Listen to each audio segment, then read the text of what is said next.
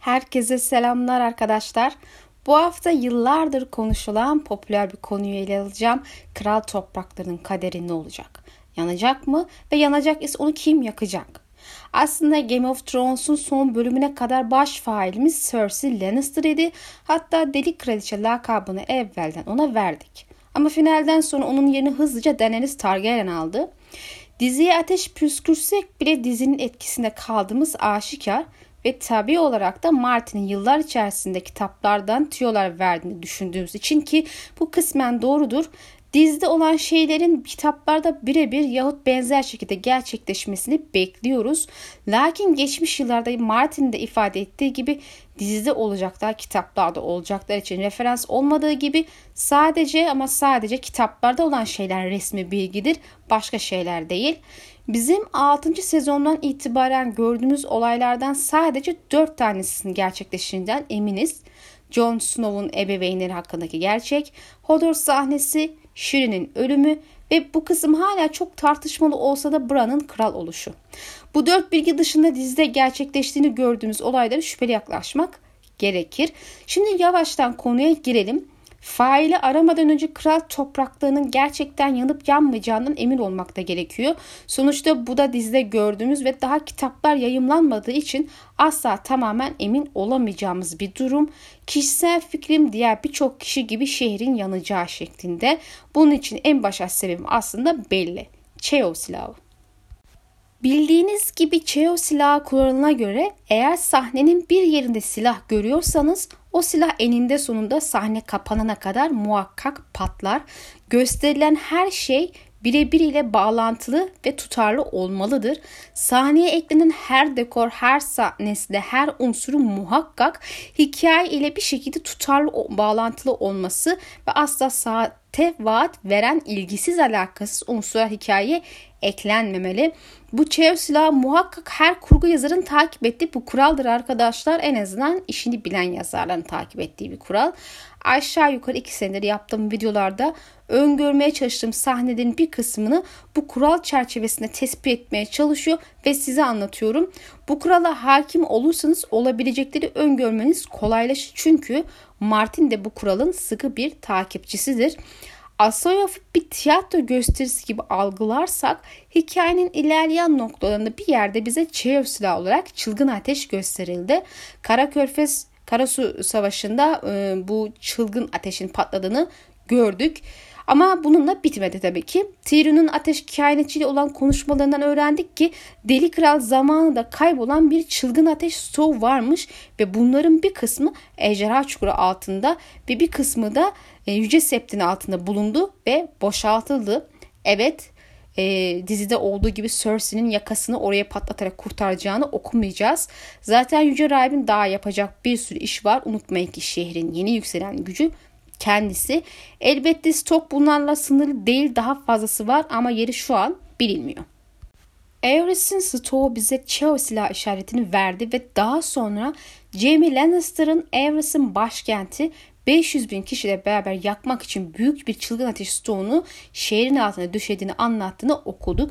Yani Aerys bir Cheo silah yerleştirmiş ve daha patlamamış. Haliyle bizim bunun patladığını okumamız gerekiyor okuyacağız da. Elbette yazar kitabı yazma için bitirirse inşallah. Gene burada Martin'e dokunmadan geçemedim. E, Çevre silah dışında elbette Martin de her zamanki gibi büyük olayların işaretini kitapta vermiş. İkinci kitapta Tyrion'un savaş öncesi çılgın ateş siparişini ateş loncası ile yaptığı görüşme sırasında e, Opov'da e, şehri dolandığı sahnede bir işaret bırakılmış gözüküyor. Hemen alıntıyı verelim. Eliyle tekrar kaleyi ve kuyruklu yıldızı gösterdi. İşte müjdeci geldi. Artık temizlenin dedi tanrılar. Dürüstlüğün şarabından temizlenin. Yoksa ateş banyolarına yıkanacaksınız. Ateşte. Ateşte diye yankılandı sesler. Şimdi kuyruklu yıldızın ejderhalar ve Daenerys olduğunu artık herkes biliyordur. Bu kainlik yapan yalvaran kardeşe göre bu yıldız Tanrı'nın kırbacı. Şehir işte enses, zamparalık, zina ve diğer ahlaksızlıklarla çürümeye başlamış durumda ve Tanrı bu kuyruklu yıldız ile cezalandırılacağına dair işaret göndermiş. Yani tabiri caiz ise adam olun yoksa ateşle sizi temizleyeceğim diyorlarmış. Aslında bu bana, bana birazcık ilk uzun gecenin geliş hikayesini anımsattı. Orada da toplum birçok sapkınlığın pençesindeydi ve gecenin aslında onları cezalandırmak için harekete geçmişti. Biraz paralellik var gibi sanki. Daenerys ve Aegon'un ejderhalar ile şehre saldırması beklendiği için buradaki sahne içi boş bir sahne değil. Yani içi boş bir beklenti değil. Şimdi şüpheliler üzerine durmaya başlayalım ve dizi finali sonrası en popüler olan kişiyle başlayalım. Daenerys Targaryen ile. Az önce verdiğim alıntı gerek Dany gerekse Aegon'u kapsayan bir saldırıyla şehrin ejderha ateşiyle yanacağı ve yok olacağına dair bir argüman olarak kullanılabilir. Neticede kuyruklu yıldız bağlantısıyla ejderhalar üstü kapalı bir gönderme mevcut. Ayrıca simyacılara göre Madde dedikleri çılgın ateş eskidikçe daha kararsız oluyor ve en ufak bir kıvılcımla tetikleniyor. Bu sebeple olası bir ejderha saldırısında ejderha alevi alt tabakalara stoğun olduğu yerlere ulaşmayı başarır ise çok rahat madde tetiklenir ve şehir gümbürdeye gider. Küçük bir alıntı vereyim. İlk kitabın 3. Denipovu. Ama o zamanlar Deni'nin gördüğü otlaklar değildi. Kralın şehri ve Fatih Egon'un inşa ettiği büyük kızıl kaleydi. Doğduğu yer ejderha kayasıydı. Zihninde bin bir ışıkta yandılar. Her pencerede yanan bir ateş.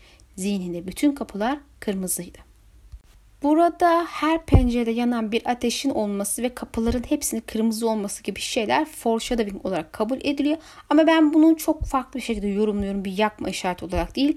Yine de tabii ki de değerlendirme almak gerekirdi. Deni'nin sivilleri umursamadan onları bir kısmını ya da hepsini yok etme pahasına saldırması mümkün mü?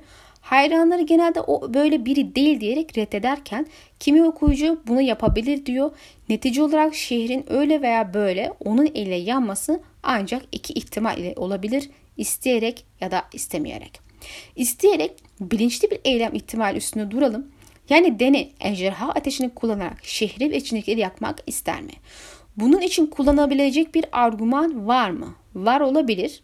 Her şeyden evvel Deni'nin artık ataları gibi ateş ve kan sözlerini benimsemiş halde harekete geçeceğini unutmamak gerekir. Bu bir sürü e, bu bir sürü ölüm demektir. E, tek bir sivilin masumun burnunun kanamasına neden olmadan savaşı sürdüreceğine kimse inanmaz herhalde. Ayrıca Deni'nin sakinken merhametli olduğunu ama öfkelendiğinde ejrasının uyanıp acımasızlaştığını biliyoruz. Örneğin Harpya'nın oğullarını ararken insanlarından bazını öldürüldüğünü öğrenince satıcı bir adamın ilk önce merhametli bir şekilde sorgulanmasını isterken öfkelenince baba ve kızı acımasızca sorgulanmasını ve cevaplar getirilmesini istedi. Mantıken bu iki kişinin suçlu olup olmadığı muamma olduğu gibi Kızın olayın dahili olmayıp sadece babanın işin içinde olma ihtimali de var. Ama Deni bu olasılıklardan hiçbirini o an umursamıyor. Potansiyel olarak e, taraflardan en azından birinin masum olmasına rağmen gaddarca sorgulanması yani işkenceye tabi tutulmasını sorun etmedi. Ona göre bu ejderhanın merhametiydi. Daenerys'in ileride yaşayacağı kayıplar ve ihanetler neticesinde dengesizleşip öfkeli bir halde dolanması durumunda kral topraklarındaki insanların ki onun kraliçeyi de reddedip deli kralın deli kızı diye yafta yapıştırırlarsa umursamayıp şehri ele geçirmek için sivil zayiatı umursamadan ejderhalarını kullanmak isteye bilir. Kolay yol olan şiddeti seçmek Daenerys'in yaptığı bir şey. Aslında bu sadece Deni'ye özel bir durum değil arkadaşlar. Ataları arasında yani psikolojik olarak da gayet normal olup sivilleri umursamadan ejderhasını kullananlar, kullananlar var. E dahası diğerde de Tywin gibi lordların savaşçıların büyük katliamlar yaptığı savaşlar var. Yani aslında bu tür sonuçlar savaşı çıkaranlar için doğal ve yaygın bir durum olarak kabul ediliyor. Yani Deni bile şu ana kadar istemese birçok kişinin acı çekmesine sebep olan eylemleri imza attı. Ayrıca son kitaba kadar Daenerys'in işgalcinin köpeklerinden intikam alma arzusuyla yanıp tutuştuğunu da unutmamak lazım. Demir tahtın Lannister'ların elinde görmek ve üstüne insanların gerçek hak sahibi olduğuna inandığı kendisi yerine işgalcileri hainleri destekleme ihtimali karşısında Ejderha Kraliçesi iyice öfkeleneceğini şüphe yok. Yani Deni'nin şehri yakması için karakter altyapısı gayet mevcut gözüküyor. En azından isteyerek bunu yapması için cevher var ama yapar yapmaz o başka bir konu.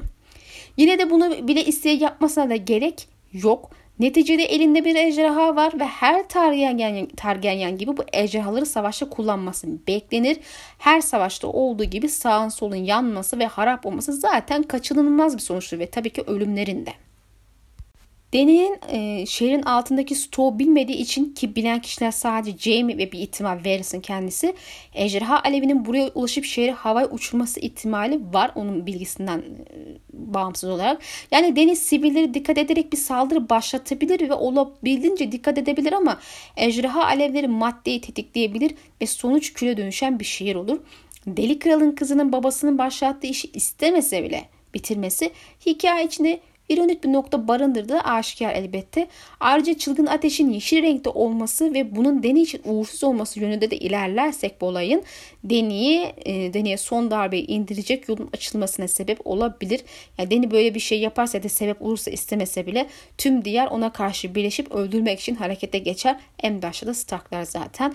Elbette her zaman merakımı celbeden şeylerden biri bu tetiklenmenin nasıl olabileceği olmuştur. Çünkü mantıken Ejderha ateşinin şehrin altındaki gizli maddelere ulaşması şansı biraz düşük. İlk, e, bu fikir ilk ortaya çıktığında ben bunu aklıma getirmemiştim. O yüzden hani belki ejderhalar tetikler falan diye düşünmüştüm ama sonra üstüne biraz düşününce bunun temelde çok da e, mümkün olmadığını fark ettim. Ejderhalar X-Men'in Cyclops'u değil ki bir ateş püskürtünce yerin altını delip geçsin arkadaşlar. Ayrıca unutmamak gerekir ki Balerion yaşındaki bir ejderhanın sahip olduğu ateşin gücü en fazla bir taşı eritebilecek seviyededir. Yer altını delip geçecek seviyede değil ki Deni'nin ejderhalarının Balerion seviyesine gelmesi için uzun yıllar geçmesi gerekir. Eğer Martin bir torpil yapmayacak ise bu genç ejderhalar tüm gücüyle savaşa dahil olamayacaklar. Bunlar 3 yaşında genç ejderhalar taş çatlasın 4 yaşında olacaklar. Tabii ki bu yine de asla tehdit olmadıkları işe yaramayacakları manasına gelmiyor. Sonuç olarak Deni'nin ejderhalarını kullandığında e, onların babasının gizli sonu patlatabilecek durumda olduğunu ben düşünmüyorum. Yerin metrelerce altını delip geçemez ejderha alevi. Evet dizide ışın silah gibi bir püskürtmeyle koca binaları kesip atıyordu ama kitaplarda böyle olmuyor arkadaşlar. Öyle olsaydı Harunal tamamen yok olmuş olurdu. Daenerys'in öfke anında 500 bin kişi yakmak suretiyle soykırım uygulayacağını pek sanmıyorum da zaten. Kaldı ki biz şehrin çılgın ateşiyle yok olacağından neredeyse emin olduğumuz için zaten böyle bir saldırıya yok olmasını da beklemek anlamsız. Aksi halde Cheus'la sahte bir vaat olur ve bu kurgu yazarlığın kuralını ihlal etmek olur. Bu sebeple şahsi fikrim şehrin Denenis'in eliyle yok edilmeyeceği yönünde.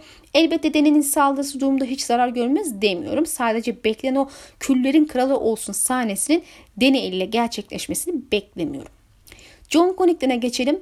Bu da diziden sonra ortaya atılan önerilerden biriydi. Mantık basit. Dizide çanlar çaldı ve Deni hiçbir neden yokken tetiklendi ve düşmüş bir şehri yok etti. John Connington'ın Çanlar Savaşı'nda Robert'ı elinden kaçırmasının acısını yıllar sonra bile hala yaşadığı hatta bir nevi küçük çaplı bir travma gibi yara izi kaldığını söylemek mümkün. Dizide Connington yok. O halde çanlar çalınca delirebilecek tek kişi Danny idi. Onu kullandığı şeklinde bir düşünce doğdu. Dan ve David'in bazen karakter birleştirdiği biliniyor ama izleyiciler artık bunu otomatiğe bağlamış gibi ufak bir noktadan yola çıkarak yapıyor bunu. Mesela Egon yok. John ismi Egon. O halde kitap Egon John birleşti diye yola çıktı ama hiç alakası da yok aslında. Böyle bir şey olmadı. İşte lakin bir yalanı 40 kere tekrar edersen gerçek olur misali. Bazı hayranlar da buna inanmışlar takılıp kaldılar. Onlar oldukları yerde kalsın biz ilerlemeye devam edelim. John Connington babasını hayal kırıklığına uğrattığı gerekçesiyle oğlu Egan'ın tahta geçmesi için tüm gücünü e, kullanmaya ant içti. E, kendisinin zaten bir de gri hastalığa kapıldığı gerçeği var. Yani uzun yıllar sürecek olsa da adam hali hazırda ölüyor arkadaşlar. Ölen bir insanın kaybedecek pek bir şey de yoktur takdir edersiniz. John'un geçmişte olanlardan dolayı içinde muazzam bir öfke nefret barındırdığı da gerçek Tyrion bunu fark etmişti. Yani yeri geldiğinde acımasız olmaktan çekinmeyecek bir kişi var karşımızda. Tüm bunları birleştirdiğimizde elimizde birçok şeyi yapma cevheri olan bir karakter doğuyor. Yani bundan sonra Connington'ın bir şehri kuşatıp eline ele geçirmek istiyorsa bundan sonra o şehri yakar, suyla boğar yahut o an eline ne varsa onu yapar ve içinde sivil var veya yok asla umursamaz. Çünkü geçmişte yaptığı hata ona büyük bedeller ödetti. Aynısını tekrar etmeyecektir. Hata derken tabii onun bakış açısından hata diyorum. Yoksa sivil öldürmemeyi tercih etmek insanlıktır. Öldürmek ise canavarlıktır. Haliyle Egan ve Connington'ın başkenti kuşatması ve bir türlü düşürmemesi karşısına John Connington'ın öfkeyle böyle bir hamle yapması ihtimali değerlendirilebilir ama bunun kendi içinde birçok anlamsız noktası var. Öncelikleri küllere dönmüş bir demir taht ve başkentin olduğu Westeros'un başına Aegon'u oturtamazsınız. En önemlisi bütün diyarı karşısına almasını sağlarsın. Ve oğlan tahtta veda eder. Zaten taht kalmaz herhalde orada, orada oturacak. John Connington öfke ve nefret dolu bir insan olabilir ama şizofren bir deli de değil ki böyle bir hamle yapınca sonucunu ön göremezsin. Haydi bunu yapmaya karar verdi derim nasıl yapacak? Kendisi bir ejderha sürücüsü değil. Aegon'un ona uyup şehri ejderha alevine boğacağını ve maddeyi tetikleyeceğini düşünemeyiz. Dahası Egon salak değil herhalde bunu yapsın. Daha Sto e, ulaşma meselesinde konuşmuştuk zaten. Yani pek mümkün gözükmüyor diye. Bu durumda tek ihtimal Sto kendisinin elleriyle ateşlemesi John Connington ama o Sto nereden bilecek ve nasıl bulacak? Yani arkadaşlar bilmek başka bir dert. Gizli tüneller vesaire yerleştirmiş Sto ulaşmak ayrı bir dert. Bir ihtimal Varys biliyor demiştik. Ne de olsa herif her şeyden haberdar. Bu durumda da bu bilgiyi ona verebilir mi? Belki. Ama yerini söyler mi? Onu elinden tutup götürebilir mi? Eğer yolları bilmez deseniz kapıdan girseniz bile sonsuza kadar kaybolursun. Veris buna benzer bir şeyler söylemişti. Doğal olarak bu soruyu koca bir hayır diye cevaplamak zorundayım. Veris'in tünelden meselesine yapacağı tek yardım Kızılkale'ye girmeleri için yol göstermek olur o kadar. Dahası John'un şeri yakmasında bence çok da ironik bir nokta da yok yani daha evvelden gittiği şehri yakarsa belki o an kendi içinde ironi barındırabilir. Hani ben yazar olsam John Connington'un yolunu tekrar o şehre düşürür ve sonra yaktırırdım. Bu sebeple John Connington'ın Egan tarafının da şehri çılgın ateşe yakacağını sanmıyorum. Pek foreshadowing'de fazla görmüyorum. Haliyle gelelim benim için en ihtimal olan adaya Cersei Lannister'a. Yıllardır konuşulan ama tahtını deneye kaptıran baş failimiz Cersei'nin eliyle yok olmuş kral topraklar hem hikayede en yüksek ironi seviyesine sahip hem de bu konuda güçlü foreshadowing içeren yegane karakter. Dikkat ettiyseniz diğer adaylar için kitaplarda pek bir alıntı veremedim. Cersei'de ise daha çok alıntı verebilirim. Yememe olamayacak kadar fazla işaret var arkadaşlar. Öncelikle psikolojik hikaye altyapısı falan var mı bunun? Bence var. Görünüşe göre Martin'in bakış açısına göre hepsi olmasa bile çocuklarını kaybeden anneler psikolojik olarak dengesizleşiyor. Ana serimizde buna en başta iki örnek Liza ve Catelyn. Cersei'nin 3 çocuğunu da kaybedeceğine dair bir kehanet var. Bunu daha evvel tartıştık. İlk çocuğu Joffrey'i kaybetti. Sırada Tommen var ve en son Marcella var. Yaşanan kötü olayların kişileri değişime tabi tuttuğu da bilinen bir şeydir. Yani Cersei'nin kaybettiği her çocukta daha dengesiz bir hale gelmesi ve en sonunda tamamen umudu kesmesi sonucunda Aerys'in mantığıyla tüm şeyi yok ederek düşmanlarına külden bir krallık bırakmak istemesi bizi asla şaşırtmaz. Zaten hali hazırda Cersei'nin psikolojisi birazcık dengesizlik var yani e, alıntılardan anlayacaksınız. Aslında çocuklar için şeyleri yapmak konusunda çekinceli davranmayacağını daha evvel bize göstermişti. Daha önce Marcella ve Tom için söylediğim şu iki alıntıyı da paylaşayım. Doğuna giden kızı için ona dokunurlarsa şehirleri yakarım geçerim demişti. Tom'un içinde senin için her şeyi yaparım. Seni zarardan korumak için her şeyi. Şehirleri yakar geçerim dedi. Elbette ilk aşama basit tehdit sözleri gibi de algılayabiliriz. Asla yerini getirmeyeceğini bildiğimiz içi boş tehditler gibi. Yine de Cersei gibi kindar ve hasis bir insanın intikam için her şeyi yapmaya hazır olduğunu bildiğimizden bana çok içi boş tehditler gibi de gelmiyor arkadaşlar. Cersei'nin profilini çıkarmama gerek yok. Okuyan herkes onu iyi kötü tanıyor. İntikamcı, düşmanlarına acınmayan ve kendi dişi Tywin gibi görmekten hoşlanan bir ablamız kendisi. Tywin'in bile genç bir delikanlıyken yok ettiği haneyi biliyoruz. Cersei babasına rol model edilmiş biri. Bu sebeple masum suçlu ayırt etmeden herkesi öldürmeye tercih etmesi Cersei gibi biri için doğal bir sonuçtur. Zaten Cersei'nin olan bitenleri kendi arzu ettiği gibi kafasına çarpıtma eğilimi masum birini bile düşman gibi görmesi için yeterlidir. Ayrıca Stannis saldırdığında onun elinde canlı geçmeye niyetli olmadığı için yanında elin peyni tuttuğunu hatırlayın. Bu tür bir rad, yani bu tür bir raddeye geldiğinde ölüm şiddet Cersei için bir çözümdür. Peki ironiyi barındırıyor mu? Barındırıyor demiştik. Meki kehanetini konuştuğumuzda videoda e, uzunca açıklamıştım bunu. Çok tekrara girmek istemiyorum. E, izlemeyenler izlemesini tavsiye ederim. Kainete göre çocukları ölecek. Ondan daha güzel genç bir kraliçe her şeyi elinden alacak. Ve en sonunda Valongar gelip onu boğacak. Bu Valangor'un Jaime olduğu ve onu öldürmesi için, o raddeye gelmesi için olması gereken tek şeyin Cersei'nin Aerys gibi şehri patlatıp masumları öldürmeye yeltenmesi olabileceğini anlatmıştım. Daha azı kurtarmaz yani. Bu da Cersei açısından olmasa bile Jaime açısından büyük bir ironi barındırıyor. İkisinin hikayesini komple trajik bir hale getiriyor.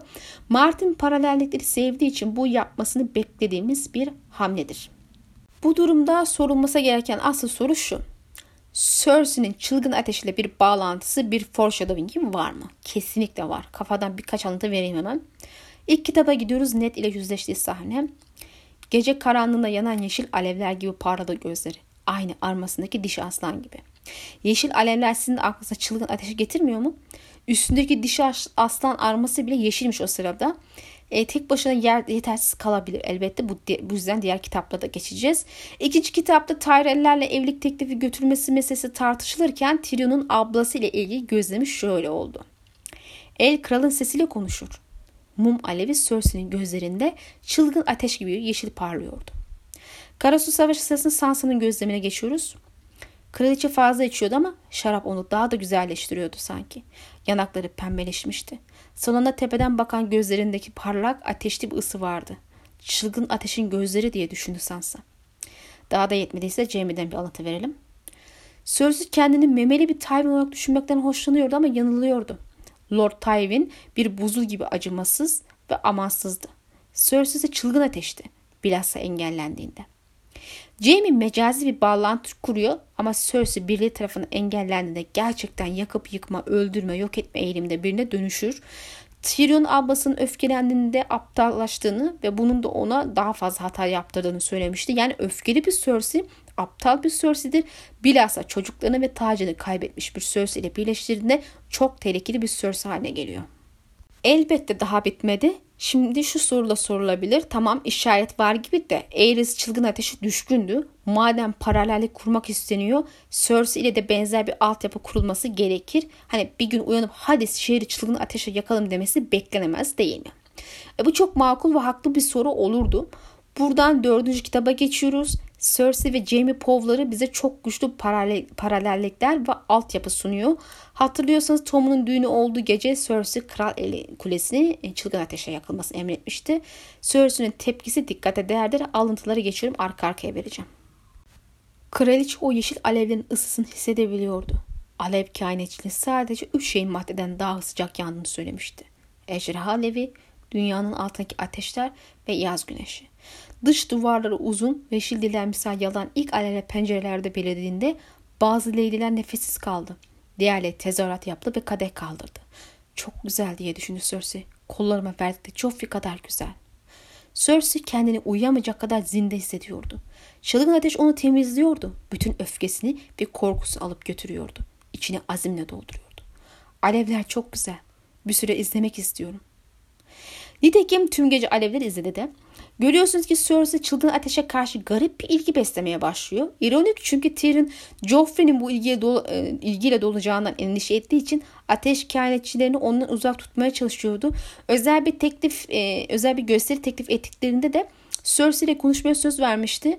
Oysa görünüşe göre bu kişileri uzak tutması gereken kişi Joffrey'den ziyade Cersei'nin kendisiymiş. Şimdi Jaime'nin bunu izlediğinde neler düşünüp hissettiğini okuyalım. En son Tom'un düğün gecesinde Cersei kral eli kulesini yaktığında izleyicilerin yüzleri çılgın ateşin yeşil ışığıyla yıkanmıştı. Bu yüzden insanlar çürüyen cesetler gibi görünüyorlardı. Neşeli bir guru yabani sürüsü gibi. Fakat bazı cesetler diğerlerinden daha alımlıydı. Cersei o uğursuz ışıltının içinde bile güzeldi. Tek eli göğsündeydi. Dudakları aralanmıştı. Yeşil gözleri parlıyordu. Ağlıyor diye fark etmişti Jamie fakat kardeşinin kederden mi yoksa zevkten mi ağladığını söyleyemezdi. Manzara Jamie'yi tedirginlikle doldurmuştu. Ona Aerys Targaryen'ı ve adamın ateşle nasıl tahrik olduğunu hatırlatmıştı. Jamie Cersei'nin gülümsemesini incelerken bırak da kömürleşmiş kemiklerin ve pişmiş etlerin kralı olsun diye hatırladı. Yani bunlar muazzam işaretler ve paralellikler arkadaşlar. Jamie ikizine baktığında artık Aerys'i hatırlıyor. Bu hale gelmiş Cersei. Bağlantılı kendisi açıkça kurmuş bizim kurmamıza gerek dahi kalmadan hem de. En önemlisi Jamie'nin verdiğim ilk alıntısında herkesin çürüyen cesetleri benzediğini düşündüğünü okuduk. Yani burada da şehrin ve içindeki insanların kaderiyle ilgili bir foreshadowing gelmiş gibi gözüküyor. Yani yanacağına dahil. Jamie'den son bir tane daha alıntı verelim. Simyacılar loncası 15 gündür taze çılgın ateş mayalıyordu. Bırak da alevleri bütün kral toprakları görsün. Düşmanlarımıza bir ders olur. İşte şimdi Aerys gibi konuştun. Jaime açıkça ona Aerys göndermesi yaptı. Onun gibi konuşmaya başladın diyor. Yani ona benziyorsun diyor. Görünüşe göre Cersei'nin şehri yok etmesi için Aerys'in Zulas'a da çok ihtiyacı yok. Kral Ali Kulesi ve savaş için madde üretmişlerdi. Ama emir gelirse daha fazlasını üretebilirler. Stannis'in saldıracağı kitapta 10 bin tane falan e, ateş e, kendicileri işte madde üretmişlerdi. Tyrion da zaten e, ne demişti? 10 bin kavanoz e, şehir yok etmeye yeter demişti. Yani 10 bin kavanozun hepsini kullandılar mı gerçekten? e, bakmak lazım. Hadi bir tane daha olası bir paralellik üzerinde duralım. Bu daha gerçekleşmedi ya da gerçekleşecek mi emin değiliz ama bahsi geçmesi bile dikkate değer. Cersei Jaime ile konuşurken Alev kehanetçisi Helen'in ki ona Lord Helen diyor Tom'un için kral eli adaylar arasında görüyordu. Bu kişinin babası Kral Aerys hizmet edenlerden biriydi. E, ve muhtemelen Jamie tarafından Rosette ile beraber öldürülenler arasında babası adamın. E, Tom'un sonrasında Marcelle kraliçe olduğunda Tyrell artık kral eli makamında olmayacaktır. Bu sebeple Cersei için bu makamı dolduracak birini aramak durumunda kalacak. Yani ileride her dediğini yapacak biri olan Helen'i seçebilir ve buradan bir deli kral paralelliği kurabiliriz. Çünkü bariz ki Cersei'nin çılgın ateşe karşı benzer bir paralelliği var. Aerys'in babamıza ihtiyacı olduğu gibi zayıf bir hükümdarın da güçlü bir ele ihtiyacı vardır. Güçlü biri hükümdarın emirlerini yerine getirmek için ise sadece gayretli bir hizmetkar gerekir. Kadehini döndürdü. Lord Helen uygun olabilir. O kral ele olarak hizmet eden ilk ateş kehanetçisi olmazdı. Hayır, sonuncusunu ben öldürdüm diye düşüneceğimi. Yani gördüğünüz üzere bütün her şey Cersei'yi işaret ediyor. Dany ya da John Connington'ı değil veya bir başkasını değil. O halde geriye tek soru kaldı. Cersei çılgın ateş suyasına nasıl ulaşacak? Onları bulacak mı? İşte burası net cevap verilmesi zor olan kısmı arkadaşlar. Zira buranın yerini bilenlerin Jamie ve muhtemelen Varys olduğunu söylemiştik ki kimse bunların yerine gidip başkasına söylemez. Sebep de yok. Bu üç aday içinde Zula'ya ulaşma meselesi tam bir muamma kısım zaten. Yine de Cersei'nin Zula'nın yerini öğrenmesi diğer adayların ulaşmasından daha olası ne de olsa bu şehir ve kalede yaşıyor ve herkes emrinde. Sep ve çukurun altındakiler bir şekilde bulunmuştu. Kalan kısmı da en azından bir kısmı pekala bulunabilir. Alev kehanetçileri ve fısıltı başı olan kaybın bu işi yapabilir. Yani küçük kuşlar görünüşü onun emrine girmiş gibi. Tabii ki bence arkada Veris hala e, iplerini tutuyor ama olsun. Hani tünellerde geziniyor bu çocuklar Veris öğretti zamanında. Günün sonunda Martin rahatça bulunması yönünde bir şey yazabilir. Zula'nın hepsini bulmasına da gerek yok. Bir parçasını bulsa yeter. Birbirlerini tetiklerler zaten. E, videonun son kısmı ise şehrin nihai sonu olsun hadi. Biz Jamie patlatacak diye Cersei'yi öldürecek dedik Valongon olarak ama Cheo silah patlamadan sahne kapanmaz da dedik. Yani bu durumda Jamie ne kadar durdurmak için harekete geçerse geçsin yüksek ihtimal buna engel olamayıp şehrin en azından büyük kısmı yok olacak gibi duruyor. Jamie'nin cesetler yorumunu unutmayın. Her şey e, her şey şehrin gerçekten yok olacağını işaret ediyor gibi. Yani hikaye sonunda kral toprakları ve demir taht kalacakmış gibi görünmüyor. Gerçi Martin demir tahtta kimin oturacağını biliyorum ve tahta kimin oturacağını den ve devre söyledim dese de şehrin çılgın ateşten harap olmadan hikayeyi bitirmesi zor görünüyor. Tamam bir ihtimal Kızılkale tamamen yok olmaz. Tat kurtulur ya da işte bütün bir hırs, e, hırsın simgesi tat da yok olur. Yerine başka tat yapılır falan. Yani kafamda hep böyle bir senaryo canlandırmayı sevmişimdir. Yeni dönem, yeni düzen. Bunun için eski düzen ve simgesi yok olmalı. Yenisi inşa edilmeli, düşün, edilmeli düşüncesini seviyorum. Hatta bir Martin ne düşünüyor ancak hikaye biterse öğrenebileceğimiz bir şey. Videonun burada sonuna geldik arkadaşlar. İnşallah beğenmişsinizdir. Beğendiyseniz yorum yapmayı ve paylaşmayı lütfen unutmayın. Bir sonraki videoda görüşmek dileğiyle Allah'a emanet olun.